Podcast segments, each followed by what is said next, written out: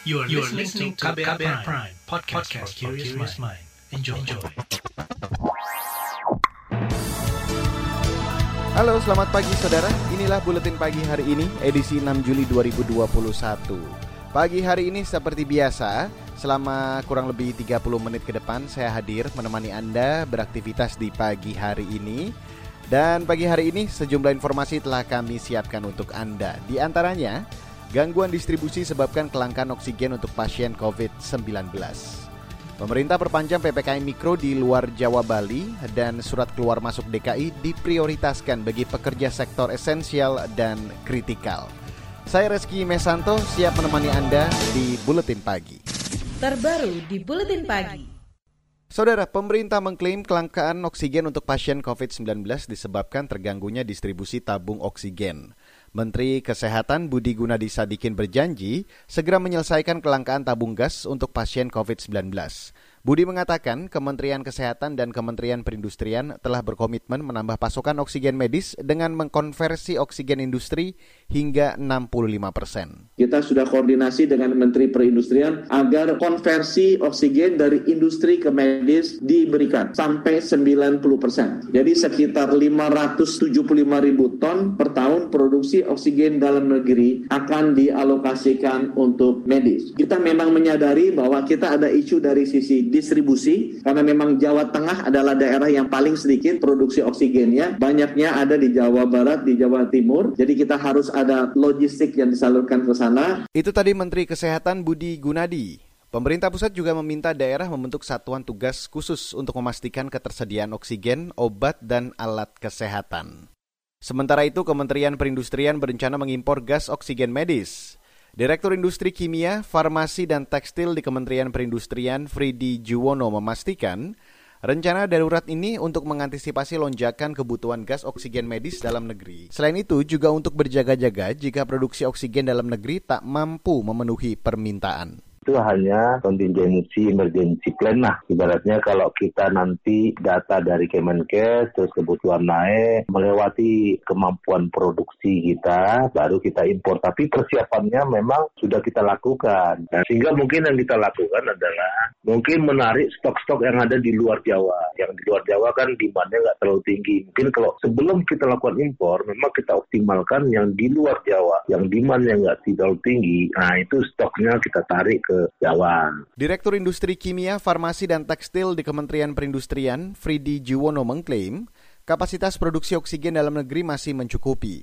Saat ini produksi real oksigen nasional sebanyak 640 ribu ton, dari jumlah itu 25 persen atau 181 ribu tonnya digunakan untuk kepentingan medis.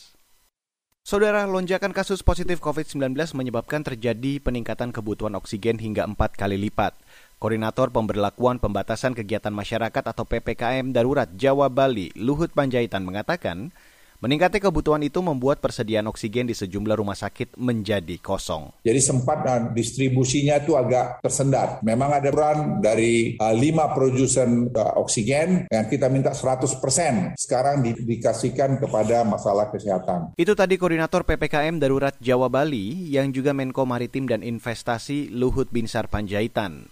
Luhut melalui juru bicaranya Jody Mahardi juga meminta masyarakat tidak menimbun oksigen di tengah krisis pandemi COVID-19. Pemerintah mengklaim bakal menindak tegas para spekulan dan penimbun alat kesehatan dan obat-obatan. Sementara itu Perhimpunan Rumah Sakit Seluruh Indonesia atau Persi menilai yang diperlukan saat ini adalah kecepatan distribusi untuk menambah pasokan oksigen di rumah sakit. Sekjen Persi, Lia G. Partakusuma mengatakan, Banyaknya pasien COVID-19 yang masuk secara bersamaan membuat rumah sakit kekurangan oksigen. Ini adalah kelangkaan oksigen. Kita diributkan bahwa oksigen uh, kurang. Ya sebetulnya oksigennya sendiri seperti Bapak Menkes sampaikan bukannya kurang, tetapi bagaimana distribusinya itu bisa disampaikan dalam waktu yang tepat. Bayangkan yang biasanya seminggu dua kali dikirim oksigen liquid, pada satu hari pagi sudah diisi, sore sudah minta diisi lagi. Nah, seperti itu yang kita juga uh, tidak bisa uh, apa tidak bisa hindarkan. Sekjen Persi Lia G Partakusuma meminta pemerintah bersama kepolisian mencari dan mengawal distribusi oksigen agar pasokan ke rumah sakit bisa ditambah. Termasuk perlindungan petugas kesehatan agar terhindar dari amuk masa saat meminta oksigen. Persi juga mendorong Dinas Kesehatan daerah mengatur pembagian oksigen di rumah sakit. Saudara, kepolisian mengklaim terus menelusuri penyebab kelangkaan oksigen di lapangan dan mengawal distribusi oksigen termasuk di Provinsi Jawa Barat. Juru bicara Polda Jawa Barat, Erdi Caniago, mengatakan, polisi terus menelusuri dan akan menindak tegas jika ada pelaku penimbun tabung oksigen di wilayah pengawasannya. Masalah isu-isu katanya ada penimbunan uh, oksigen dan sebagainya, ini sudah kita sikapi dari Direktorat Krimsus, Krimum, itu sedang melakukan pendataan ya untuk supaya pendistribusian dari oksigen tersebut. Mudah-mudahan bukan karena penimbunan tetapi memang karena meningkat ya yang eh, terkena eh, COVID ini seperti itu. Tetapi kita sudah bekerja ya Kapolda sudah memerintahkan untuk mendatakan. Juru bicara Polda Jawa Barat Erdi Acaniago menambahkan kepolisian kini terus mendata distributor tabung oksigen di provinsi itu agar suplai dari distributor bisa diawasi. Sementara anggota Komisi Kesehatan DPR, Dewi Asmara mendesak pemerintah segera mengatasi kekurangan oksigen akibat lonjakan pasien di rumah sakit rujukan COVID-19. Kekurangan obat, oksigen, dan ventilator. Saya juga dihubungi oleh beberapa rumah sakit-rumah sakit yang berharap agar Kemenkes eh, khususnya rumah sakit pemerintah bisa mengirimkan yaitu alat bantu pernafasan supaya jangan sampai sebelum pasien masuk ke ICU uh, eh, jadi bisa terbantu. Ketiga hal ini harusnya ini bebas dari kepentingan bisnis mana pun. Anggota Komisi Kesehatan DPR, Dewi Asmara juga meminta Kementerian Kesehatan menindak tegas siapa pun yang berbisnis mengambil kesempatan di tengah kesulitan masyarakat. Saudara BPOM segera proses izin penggunaan darurat vaksin COVID-19 produksi Pfizer. Informasi selengkapnya sesaat lagi, tetaplah di Buletin Pagi KBR. You're listening to KBR Pride, podcast for curious mind. Enjoy!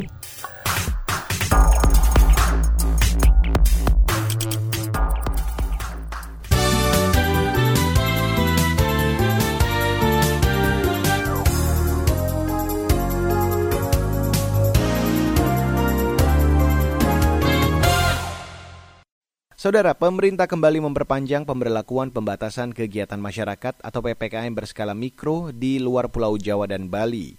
PPKM mikro diperpanjang mulai hari ini hingga 20 Juli mendatang.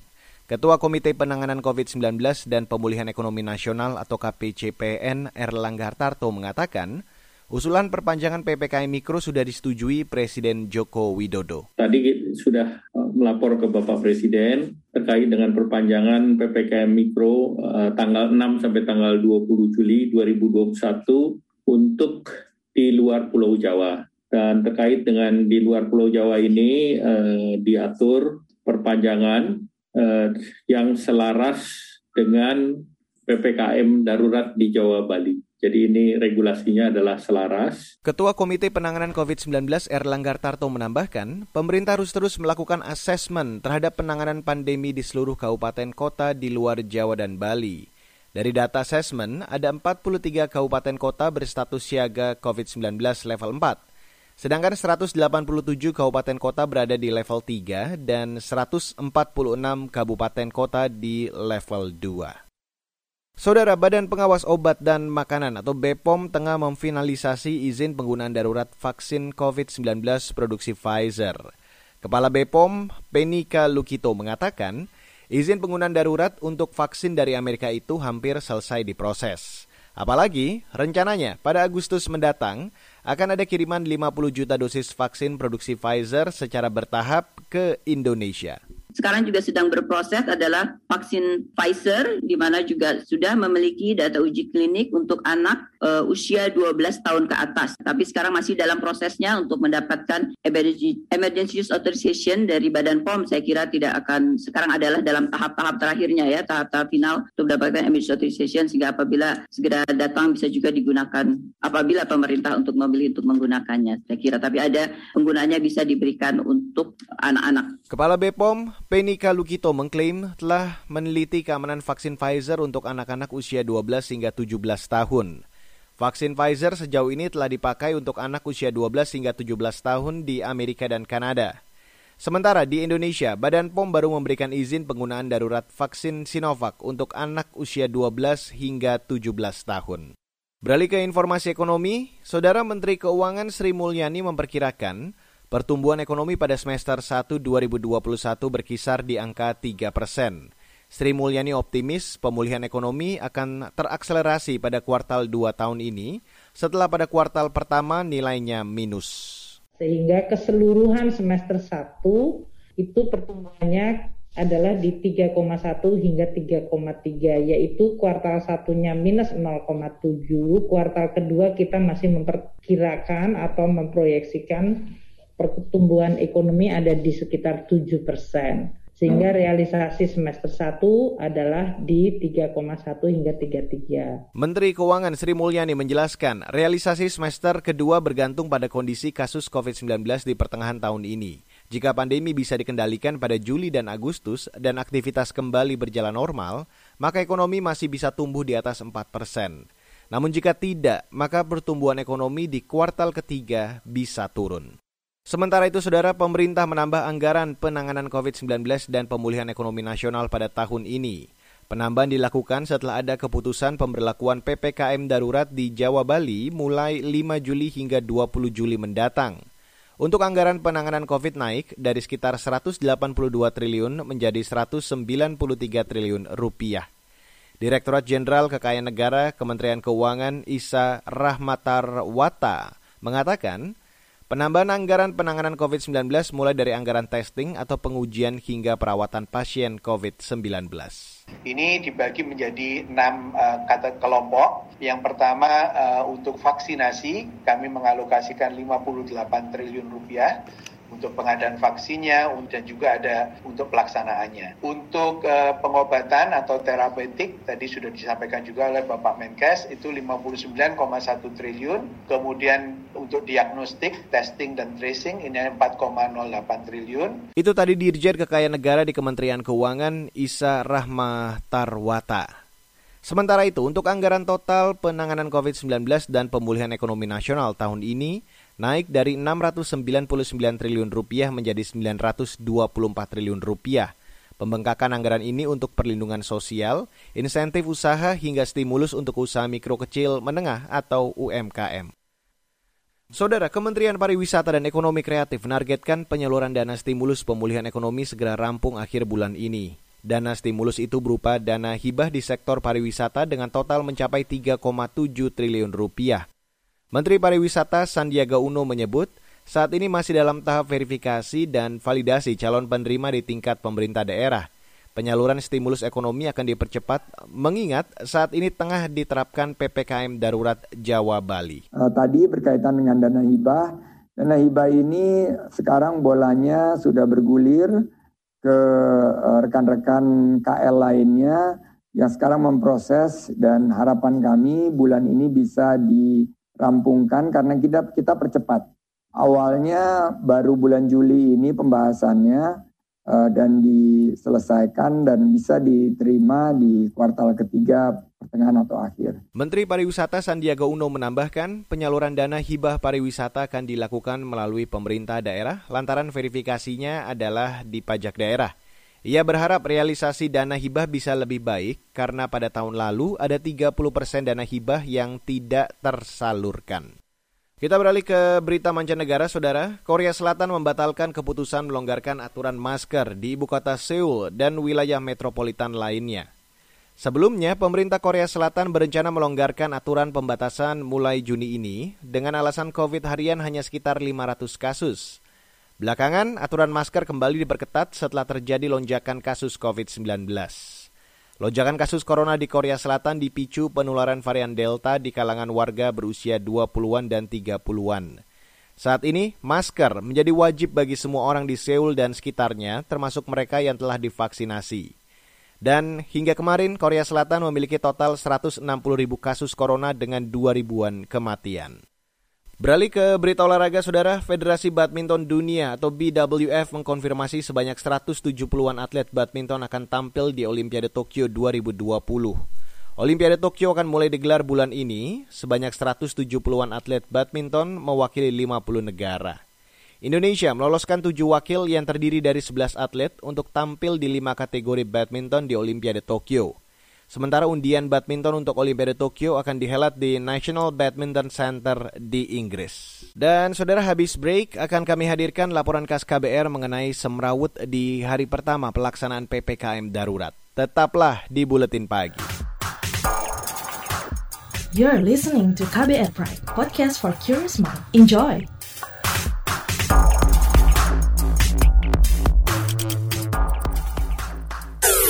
Commercial break. Come on yo, buat yang sukanya berhoax, you better listen to this one. Check this one out yo. Hati-hati kalau baca kabar. Hoax, Jangan langsung disebar kabar yang hoax, Kalau mau tahu kabar benar atau hoax, Dengerin cek fakta yang pasti bukan hoax, Dengerinnya setiap Senin yang jelas bukan hoax. Cuma ada di kbrprime.id. Dan aplikasi podcast lainnya Hoax, Sudah cukup-cukup hoaxnya? Hoax. Cukup Jaga emosi, tahan jari, verifikasi sebelum dibagi. Saya Ari Bowo Sasmito, Ketua Komite Pemeriksa Fakta Mafindo. KBR Prime, podcast for curious mind.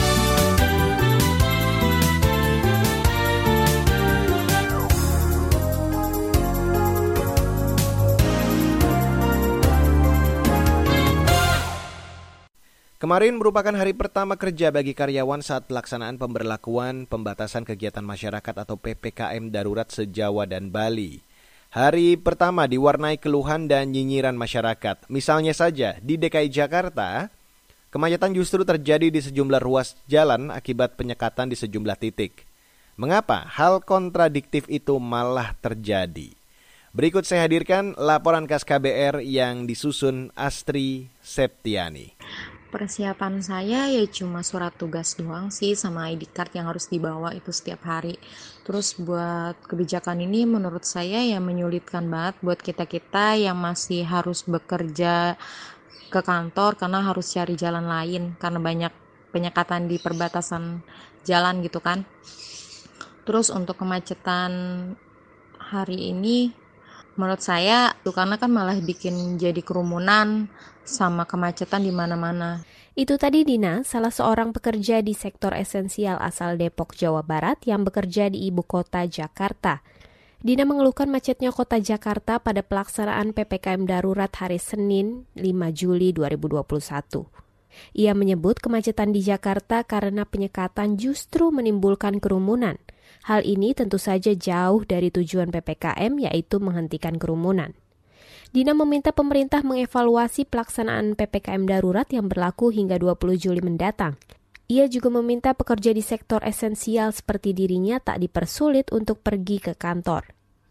Tak hanya Dina, sejumlah masyarakat juga mengeluhkan macetnya jalan karena penyekatan di mana-mana. Ujung-ujungnya pun malah berakibat keramaian dan kerumunan. Banyak dari warga yang menumpahkan ceritanya melalui media sosial seperti Twitter ataupun Instagram. Sementara itu, Direktur Lalu Lintas Polda Metro Jaya Sambodo Purnomo mengakui terjadinya kemacetan di ibu kota. Ia prihatin masih banyak karyawan yang bekerja di tengah pelaksanaan PPKM darurat. Menurut Sambodo, Polri bakal menertibkan kantor-kantor untuk memastikan bahwa yang beroperasi hanyalah yang merupakan sektor esensial. Sementara yang bukan sektor esensial mesti bekerja di rumah, seperti yang ada di aturan PPKM darurat. Nah, hari ini adalah hari pertama hari kerja pada masa pemberlakuan PPKM darurat. Mungkin masih masyarakat masih banyak yang belum paham. Tetapi ada juga yang belum paham, eh sudah paham tetapi juga tetap masih berusaha untuk masuk. Kantor-kantor yang bukan esensial dan kritikal masih mewajibkan karyawannya untuk untuk datang sehingga kemudian kemacetan, kepadatan masih terjadi di titik-titik kita penyekatan. Tapi nggak apa-apa, ini kan hari pertama. Kita akan terus perbaiki, kita harus evaluasi, Sementara itu, Koordinator PPKM Darurat yang juga Menko Bidang Kemaritiman dan Investasi, Luhut Binsar Panjaitan mengatakan, bakal berkoordinasi dengan Kementerian Ketenagakerjaan untuk memastikan perusahaan non-esensial menerapkan bekerja dari rumah. Tujuannya untuk menekan mobilitas masyarakat di masa PPKM darurat. Kemudian saya juga berharap dalam konteks ini Polri TNI untuk tetap konsisten, saya ulangi, konsisten melakukan penyekatan dan kita harus menghimbau semua perusahaan juga untuk mematuhi ketentuan ini karena untuk kepentingan kita semua. Saya juga menegaskan agar seluruh karyawan dipaksa harus bekerja di kantor pada perusahaan sektor non esensial agar segera melaporkan pada pemerintah, khususnya di wilayah DKI Jakarta melalui dinas tenaga kerja masing-masing. Menanggapi semrautnya pelaksanaan PPKM darurat pada hari kerja pertama, Menteri Kesehatan Budi Gunadi Sadikin mengingatkan tujuan PPKM darurat memang untuk mempersulit mobilitas masyarakat. Budi ingin masyarakat disiplin supaya PPKM darurat berhasil menekan angka penularan COVID-19. Sebab menurutnya, lonjakan yang tinggi pada waktu belakangan ini terjadi juga karena tingginya mobilitas masyarakat, selain munculnya varian Delta COVID-19. Saya masih melihat di jalan-jalan di Jakarta sudah diimplementasi PPKM darurat masih juga macet. Sampai beberapa teman-teman kita terlambat untuk hadir. Ya, saya rasa memang ini yang sangat penting. Tidak mungkin kita bisa mengontrol pandemi ini kalau kita tidak disiplin. Ya, dengan adanya PPKM darurat 3 sampai 20 Juli, tujuan kita memang memper menghambat mobilitas, mempersulit mobilitas agar kita bisa mengurangi laju pandemi ini. Adapun epidemiolog dari Universitas Griffith Australia, Diki Budiman mengatakan pemberlakuan PPKM darurat harus tetap mengutamakan perbaikan kualitas layanan kesehatan. Konsentrasi utama harus fokus pada perbaikan kualitas layanan, mengurangi beban di layanan, sistem rujukan diperbaiki, ya. rumah sakit-rumah sakit darurat ini ada didukung. Epidemiolog dari Universitas Griffith Australia, Diki Budiman juga meminta pemerintah terus mengevaluasi pelaksanaan PPKM darurat, termasuk kondisi masyarakat dengan kebijakan ini dan bagaimana angka penularan COVID-19 di wilayah yang menerapkan PPKM sejawa dan Bali. Demikian laporan khas KBR, saya Astri Septiani. Dan saudara, di bagian akhir dari Buletin Pagi hari ini akan kami hadirkan berbagai informasi dari daerah. Tetaplah di Buletin Pagi. You're listening to KBR Pride, podcast for curious mind. Enjoy!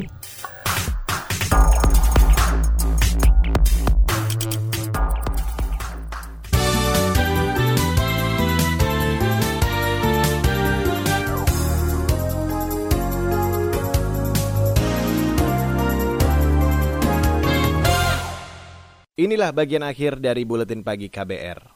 Saudara, pemerintah Provinsi DKI Jakarta meminta surat tanda registrasi pekerja atau STRP hanya digunakan oleh masyarakat yang bekerja di sektor esensial dan kritikal. Sektor ini masih diperbolehkan bekerja di kantor saat penerapan PPKM darurat. Gubernur DKI Jakarta Anies Baswedan juga meminta masyarakat yang bekerja di sektor non-esensial tidak mengakses surat pekerja lantaran sektor non-esensial tetap tidak diperbolehkan beroperasi selama PPKM darurat. Banyak orang yang sesungguhnya bukan sektor esensial dan kritikal ikut mendaftar.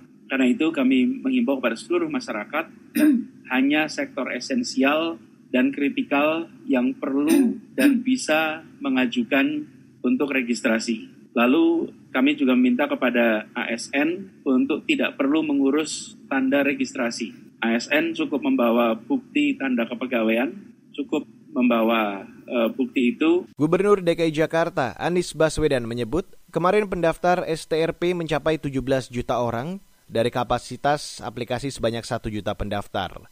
Penerapan PPKM darurat pada hari pertama kerja menimbulkan kekacauan dan penumpukan orang di sejumlah jalan yang ditutup. Beralih ke Sulawesi Utara, Saudara. Pemerintah Provinsi Sulawesi Utara menargetkan semua anak usia 12 hingga 17 tahun divaksinasi bertahap. Gubernur Sulawesi Utara, Oli Dondong Kambei, menyebut vaksinasi anak perdana di Sulawesi Utara pada Senin kemarin diikuti anak jenjang SD hingga SMA di 15 kabupaten kota. Target bagi siswa ada 100 ribu. Target kita PA khusus ini secepat. Gubernur Sulawesi Utara Oli Dondo Kambei mengklaim telah memvaksinasi lebih dari 500-an ribu warga dari target 1 juta vaksinasi hingga Oktober mendatang. Dan kita beralih ke Maluku, Saudara. Lebih dari 20 tenaga kesehatan di kota Ambon terpapar COVID-19. Wali kota Ambon, Richard Lauhenapesi, mengatakan 20-an tenaga kesehatan itu bertugas di sejumlah puskesmas di kota Ambon. Sudah hampir 20 orang yang terpapar ya. Kemarin itu yang banyak 11 ya. Dan sampai hari ini 21. Dokter 3, lalu 18 itu tenaga perawat. Nah, jadi kalau kita tidak sungguh-sungguh itu juga juga berat. Wali Kota Ambon Richard Lohena Pesi menginstruksikan penutupan sementara tiga fasilitas kesehatan tersebut hingga batas waktu belum ditentukan.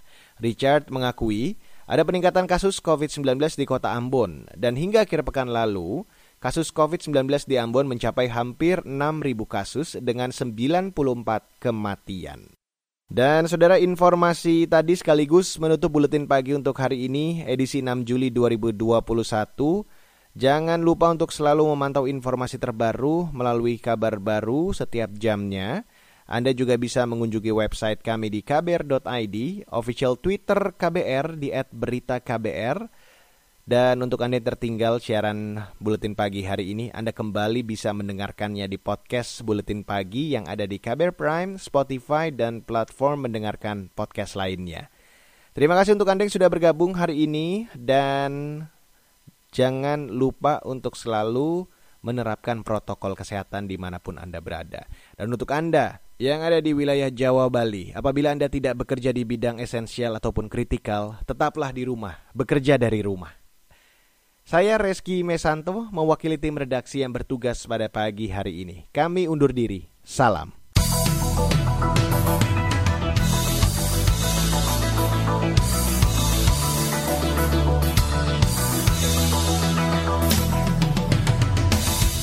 KBR Prime, cara asik mendengar berita. KBR Prime, podcast for curious mind.